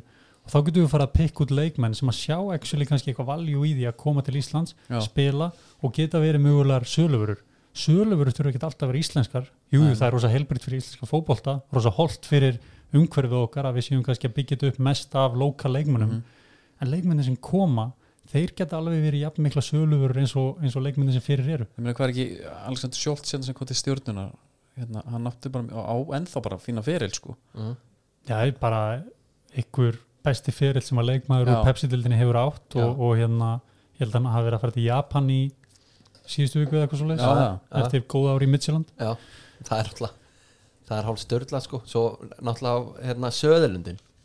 Já, Suðurlandi Fyrir til Rosenborg og fyrir til hérna Frakland svo. Já, það var svona með við hvað mann fannst hann geta hérna á Íslandi þá var það eiginlega svona Kickin the teeth maður, ég þóldi hann ekki sko. Já, Bara- þokk alveg sjokkar sko. Það er eitthvað geðveitt marg sem að skora á móti blikum Já, Það er volley, hann inn, það gleymist aldrei. Nei, nei, það er svona eina sem maður man eftir kannski. En þeir eru jafn margir sem hafa margir ykkur komið til FH sem að maður mann minna. Jeremy. Severi. Jeremy Servi er náttúrulega svona eitt besta dæmi því að sko Dortmund. því að hann hérna því að sko F-fóðugarnir þeir voru nánast búin að vinna mótið eftir eina æfingu í risanum. Hann var svo góður á æfingunni. En pæli, pæli hann bara sló í gegn og það var bara shit, Já, bara Dortmund gæi. 2, Úipest, FH já, Svona í Horst, Hostert Já, þetta er ótrúlega skrítið. En sjáu hvað eru margir sem að koma til Íslands sem hafa spilað fyrir eitthvað stórt lið og það er alltaf fyrirsögnin í á miðlunum. Fyrir um leikmaður Arsenal, lendur í fylki. Já, já, þú veist, að- hann var kannski eitthvað akademíu dropout þarna eða hvernig sem það er, þú veist, bara eitthvað dæmi. Já. Við erum alltaf að leita í herðu, hann hefur spilað fyrir þessi lið.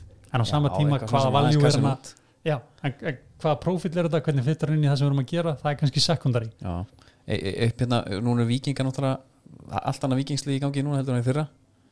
Og menn er áttu að líma þetta á einhvern veginn svona Pablo Pundiet sé svona, svolítið- svona síðasta púslið. Já, það er ógustlega það er að segja.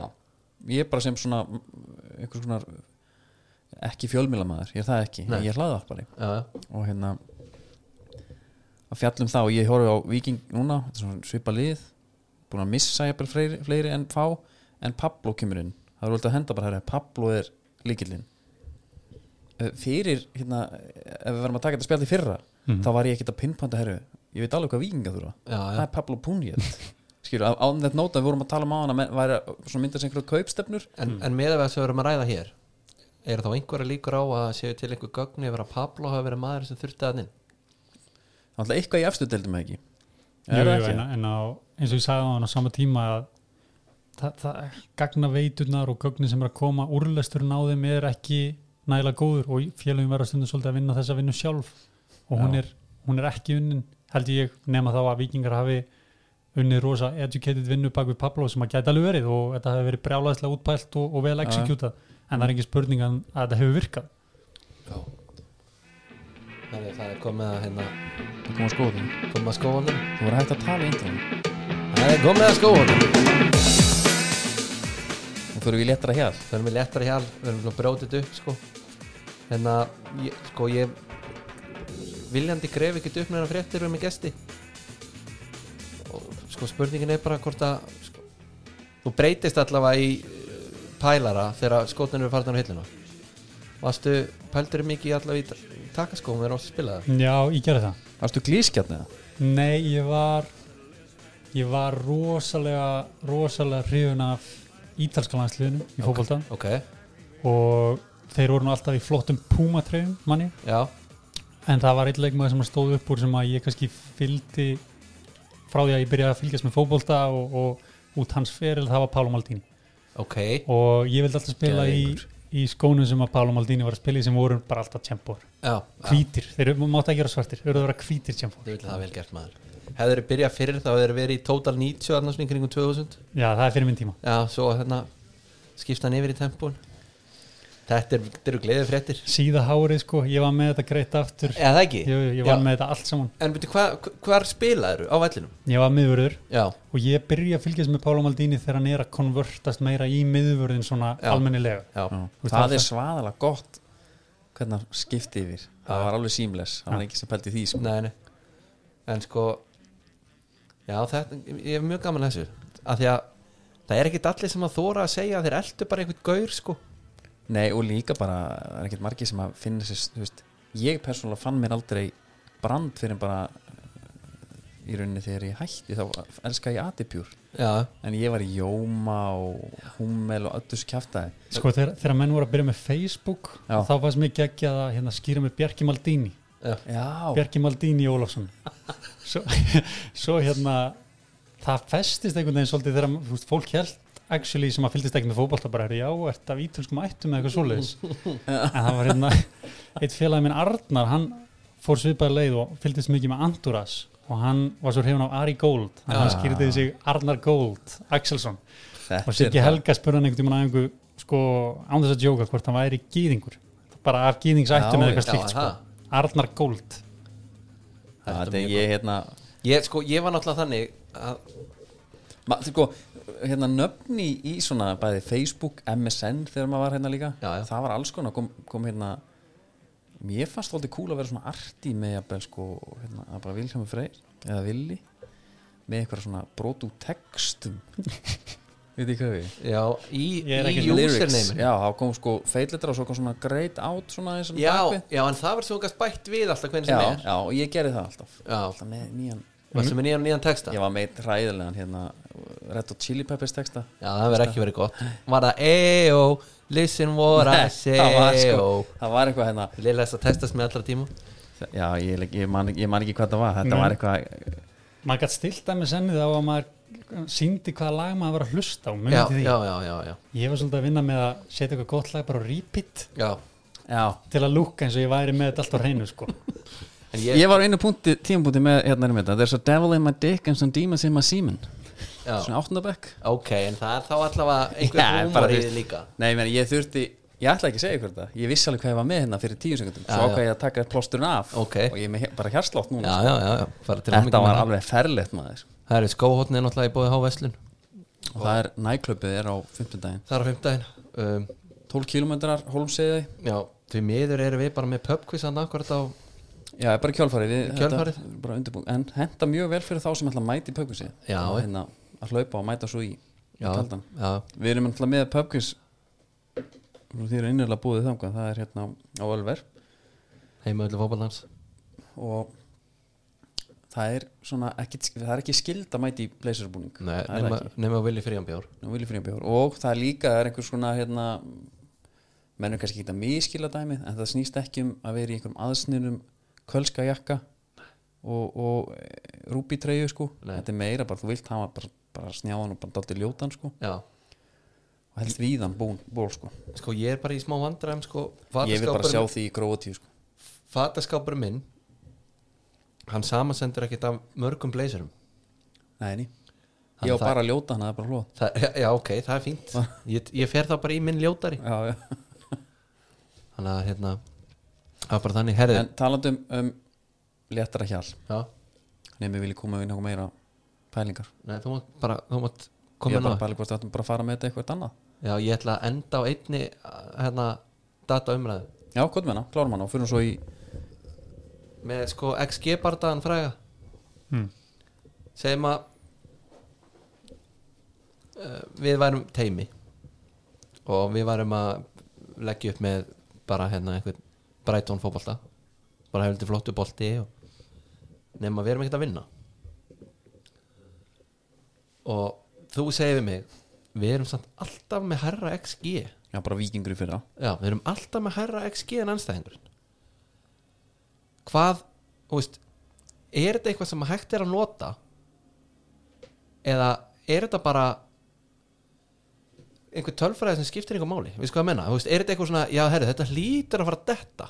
Já, þú veist, ef þú tala til dæmis um vikinga frá því fyrra sóknarleikur vikinga eða það er að segja sóknarlína vikinga hún hefur ekkert snar breyst, er þetta ekki að mestu leiti Jú, það mistu óttar sko. Já, Nei, en ég er að tala um eh, sem, þeir sem enduðu mótið. Já, já, já, með Nikolaj Hansen. Já. en ég sá til dæmis leiknum á móti val núna, þú veist, hann bara, hann klárar, væri, klárar færið helviti vel. Já, já. og stundum bara varandi eins og XG, þegar XG er, er hátt og, og conversion er lágt jú, þú getur skrifað á það að við erum ekki að nýta það sem að, og þær stöður sem við erum að komast í en svo eins og í tilfelli Nico Hansen þetta er góðu leikmaður Já. og núna einhvern veginn fellur þetta þannig að hann fer að, að slúta og hvað hann komið, fimm mörk held ég á tímabilinu já, Já. hann talar um að sé fjóru kíló léttari Já, þannig, að- þannig að sko Þannig að segjum að ég væri einhver svona á móti XG-inu hmm.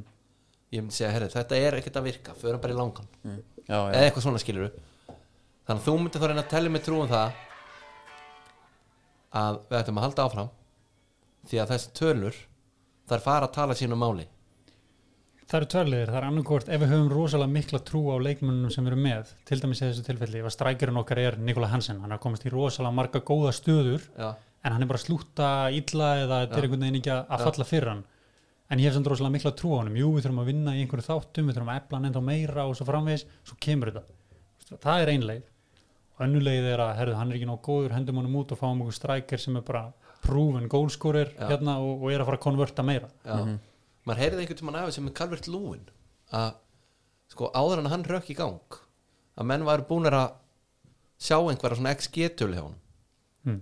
að þeir hafi bara svona einhvern veginn verið búnir að spá því að þetta færi bara detta hjá hann sko. þetta er bara strækir með sjálfströst Já. versus strækir án sjálfströst þetta getur verið sami leikmaðurinn en þetta er samt gjör ólíkur Já. leikmaður í, í tölfræðinni. Já, og um leið og hann rekkur í gang eins og Nikola Hansen, hann er bara komið sjálfströst þú sér hann í gær, hann er, hann er flottur í því sem hann er að gera.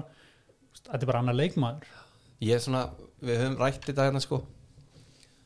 Bara eins og með Brighton og þú veist, fullt af fleiri liðum vinna, með XG, ég ætla nú bara að spurja er, er, hérna, er ekki fókusileika bara aðeins og mikið á XG kannski svona órálega Jú, engin spurning, Já. þú veist, þetta er ekki veist, ef við tölum um XG og, sérstaklega XG, XG er bara expected goals expected goals og hvað getum við talað um hérna uh, líkur á því að þetta skot leiði til marks Já. út frá staðsetningu skotsins Mhm. en það sem skiptir svo miklu máli og kannski Wisecout gögnin bjóð okkur ekkit rosalega vel upp á að það er kontekstið, samhengi Já, nefnir eins, og, eins og við tölum um að XG færi og Gretari bróðu var eh, nú, ég veit ekki, það var eitthvað 0.14 eða eitthvað en hann satt með hann á hægri veist, tekur eitthvað til til þess hann gæðin er, er miðvöru sem sparka með vinstri sko. ég, til dæmis inn á Wisecout profíla flestra íslenskra leikmanna eða margra íslenskra leikmanna það vantar hellinga grunn upplýsingum inn er Já. að réttfættur en örfættur og svo framvegs en þú veist þannig að tala um miðvörð að fá hann á öfum fót ekki rétt og, og margir svona hlutir sem að skipta miklu máli ef við tölum um samingið, þú veist hvað eru margir leikmenn á milli skotsins og, og marksins, hver er staðsendingin á markmanninum og svo framvegs, þú veist, er markmaðurinn út úr markinu, fattur hvað er að já, fara? Já, já, algjörlega. Þannig að þú veist XG eitt og sér er ekkit heilagur sannleikur og við getum ekkit farið að stóla eitthvað allt og mikið á það. En við getum samt sem ára alltaf sagt, það er ok, þetta er ágæti staða og þá getum við farið kannski að greina þess að tölu meira hvernig komumst við í þessa stöðu. Mhm. og þannig vinna félög mest með XG er að Já. hvað leiðir til þess að við komumst í hátt XG til dæmis? En við erum ekkit endilega að horfa á þetta skot og, og hugsa með okkur, herði, við hefum átt að vinna leikina eitthvað. Nei, þetta er svona in- indication kannski meira að, að, að, hérna, að eitthvað sé að ganga vel eða, eða illa. Já, já, já, akkurat. Ég var bara að pæla í EM. Já, hann er alltaf stöð 2 já. Og hérna, ég, ég, er bara, ég er búinn með leitan upp hann bara nú ok. horfði á restina þunnur og sunnudaginn. Já, það var, það er, er það ekki bara einhver svona píning? Það var, er, var erfiðara heldur en með fúli 5 sko. Það er- bara nógu lítill í sig fyrir maður. Ég er að segja það. bara einhverja konu hann að finna pappa sinn eftir allir þessi ár. Já, já, já, og hérna Ári Hinriksen já. Með þarna, hún er alltaf geggið sko. Hún er geggjuð. Svo horfði ég tók líka eina múvi síðasta veiðiferðin, hún er hann inn á líka já, er ekki bara að sjá hana? Hún, hún er geggið já. það verður bara að segjast, er hún inn á? Hún er bara hann inn á. Já, já, hefur þú séð hana? síðasta veiði fyrir já, Nei, ég, Nei, ég var að já það taka- eftir. Hún er, hérna, það er bara beint inn á marathon eða blúsin heitir Ég hef ekki leitin uppröðunum heldur. Er það eitthvað sem ég á bara að negla í það er bara sennilega svona besta íslenska framleiðsla held ég. Það er kvöldi hjá mig bara, ég set þetta bara í marathon þetta eru, þetta eru enda fjórar seríur sko og gæti þetta að dreifa sig einhvað og, okay. það byrjaði bara fyrstu, alltaf by- byrjaði fyrstu samt, ekki bara í nýjasta Hvar byrjar þetta? Hvar, þetta er, málið er sko, þetta er bara þetta eru Íslendingar sem að hérna, eru við yfirleitt ætlitir ætlindir og þau eru að leita að hérna, blóðfóldum sinum eða, eða fóreldra og bara þetta er alveg þryggja klúta þættir sko. Já, veist, og það alltaf, og alltaf skala eitthvað klikka. Já, en svo, já, já. hún er hérna, hvað heitur hún aftur? Uh, sem sérum þetta? Ég maður það ekki. Jú Sigrun Ósk. Já, já, hún er alltaf eitthvað þú veist. Hún er bara en að það, var leita ekki svo, en það var ekki svo einfalt. Nei, maður, held, maður heldur eitthvað sé gerst en allt kom fyrir ekki og hann var ekki á staðnum. Hann er dáin hann er dáin Já. hún, hún, er, hún, er, já, sérst, það er hún er sérst að leita. Já, hún Bara- er að leita með sem sagt, þeim aðlum sem að eru og svona tekur bara á það teimi bara að finna. Og alltaf mjög sérstætt og, og svo bara flóið út jafnvel í hitting eða jafnvel farið og, og heyrt nú- heyrir alltaf alltaf í ári í blindni sem er hérna indversk kona held ég já, sem að talar einhvers konar íslensku eða er eitthvað? Já, hún er alltaf bara að búa á Ísafirði í ykkur. Alveg rétt, já, hún er alltaf með tengiliðina það er Já. alveg, hérna það virðist vera fyrsta símtal. Já, já, en svo er farið út um allt. Kólumbíu, Sri Lanka og Sri Lanka er alltaf erfiðast af því að svo kom bara ljósa að hérna, þessi ætlind, ætliðingar voru það var ekki, ekki reynd og góðu business það var bara skjölin voru eitthvað þetta voru ekki áræðileg gögn. Nei, þetta var eitthvað XG í, í tómurugli það já, Herru, hérna EM samt, ég ætla að tala um það. Já, við þurfum aðeins að ræða það. Já, við vorum að eh, gera jafntöflu við Póland Já, það sem Brynir Ingi, okkar vonastjarna er bara svona svo hægt og rólega að spila sig inn bara, ég, þetta líka sko Þetta mark sko. Já, ekki, hann bara. Þryktan bara Já, líka, líka mótakan Já, þetta var ekki ekki að ég hérna, hann er náttúrulega aðstofn vilamaður og ég dýrka hann að mann, Já, það er bara þannig. En þitt lið á EM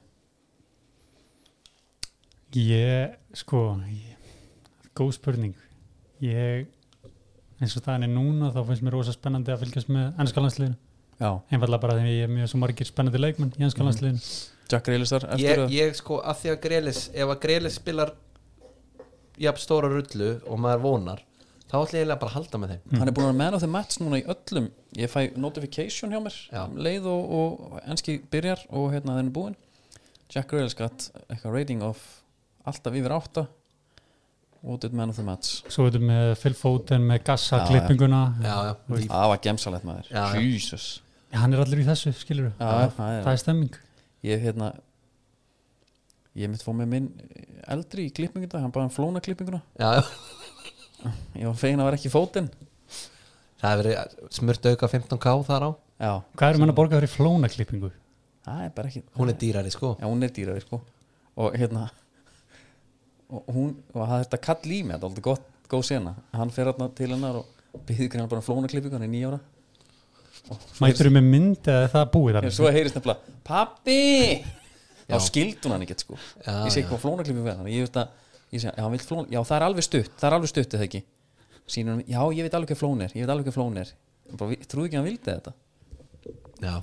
Treystu bönnunum, þau veit, veit þetta allt. Sko flónaklippin er dett út. Nú er hann bara 90 skipti miðju Albert Guðmunds Var Nistelrooy. Greisland Hún er að fara að koma núna sterk Virðist vera. Já.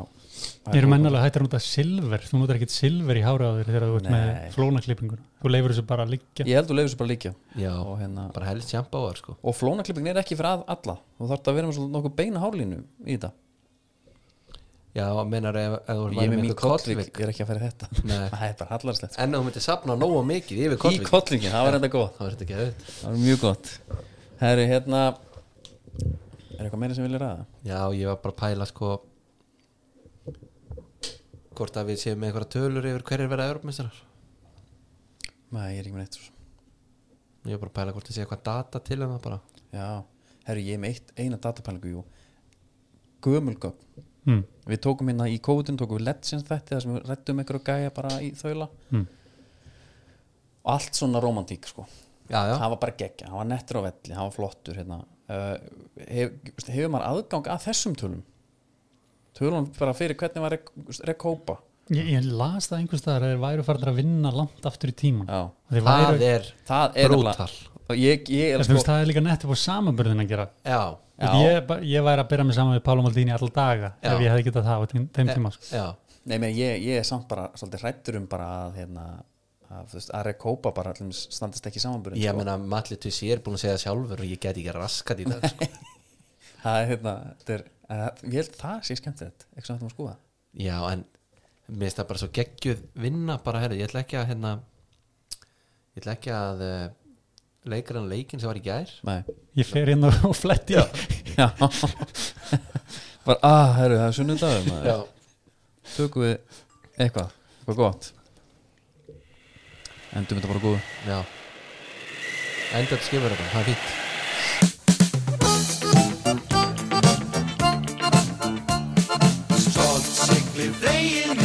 Svakalega andi í þessu lagi.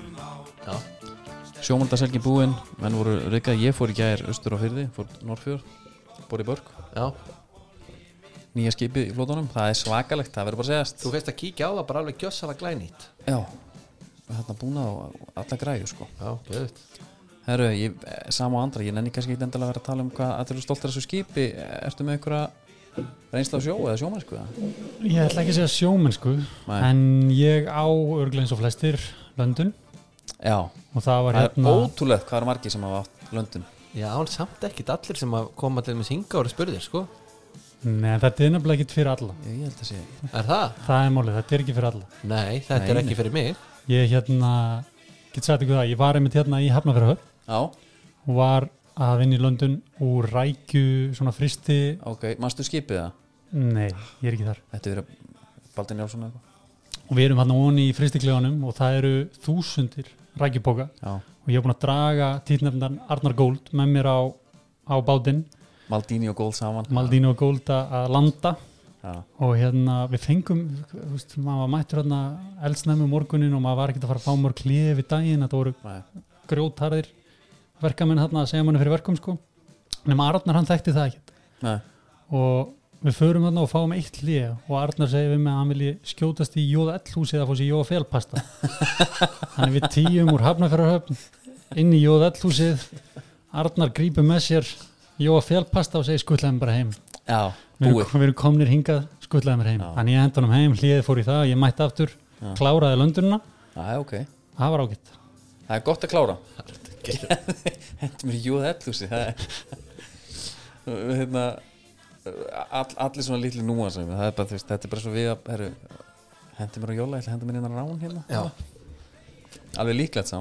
Þetta er ekki fyrir alla. Þetta er, e, þetta er ekki fyrir alla. Sko ég, ég var hérna London á sama stað og þar var einmitt valla tími til að fara neitt sko. Nei. Þannig að þú ætti bara að gjöra svo að taka með nesti. Já. og gæst rétt farið í krónuna að þú vildir eigða öllu hlénu í það sko. Þeir eru svo kvassir sko, ef þú ferð af bryggjusvæðinu þá er einhvern veginn svona kvæsa þér á þig. Hver er það að fara?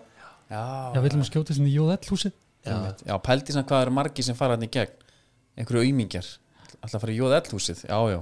Takk fyrir vaktina bara. já, einmitt, og þessu margir sem eru svona, hvað, byrju, hvað er nú? Hvað þá þetta? þurfum við bara að fara að redda þessu bara, herra, ok, maður ringin hérna. Ég ætla að díla þetta á símaskránu bara Já. núna. Þetta er samt svona mentality eins og við varum að tala um í hlaupónum sko.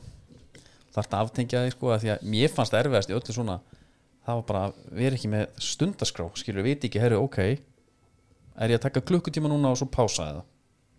Heldur bara nei, það er bara þangað til að þetta er búið Já, svo horfum maður á pókana og þetta staplin er svo svakalegur. Þú komið með blöður og tætnar þú, veist, þú, þú finnur ekki fyrir fingrunum nei. en þú heldur alltaf áfram. Já, það er bara, Ég var komið með í náran bara fyrsta klukkutíman sko. Já, hvað, Bara eitthvað stífur en að beigja mig og eitthvað? var þetta uh, langur fyrir þér eða? Langur? Mm. Þetta voru eitthvað nokkra landanir. Já, sko Arnari til Varnar þá var hann með veika hálskirtla. Þetta Já, fór já. Já. já, ég er náttúrulega með asma sko. Já. Nei, hérna, nei, þetta var bara, ég bara gæti ekki. Ég hérna, þú veist Ég var líka ekki með neinum sem ég þekkti. Ég fílaði ekki væpi alveg nógu mikið. Voru þeir að kvæsa á þig Nei, það var ekkert vesen sko Þú veist, að, bara, þú veist Ef ég hefði verið í góðra vinna hópi Allt annað. En þetta bara tók vel á sáluna sko. Talandi um svona asma eh, bara, ég var eins og í bíl í, hérna, á, Spáni með manni og það var sko steikandi hitti og ég, ég bara kósveittur. Við erum hann íslendingarnir og byggðum minnum að setja Asi í gang.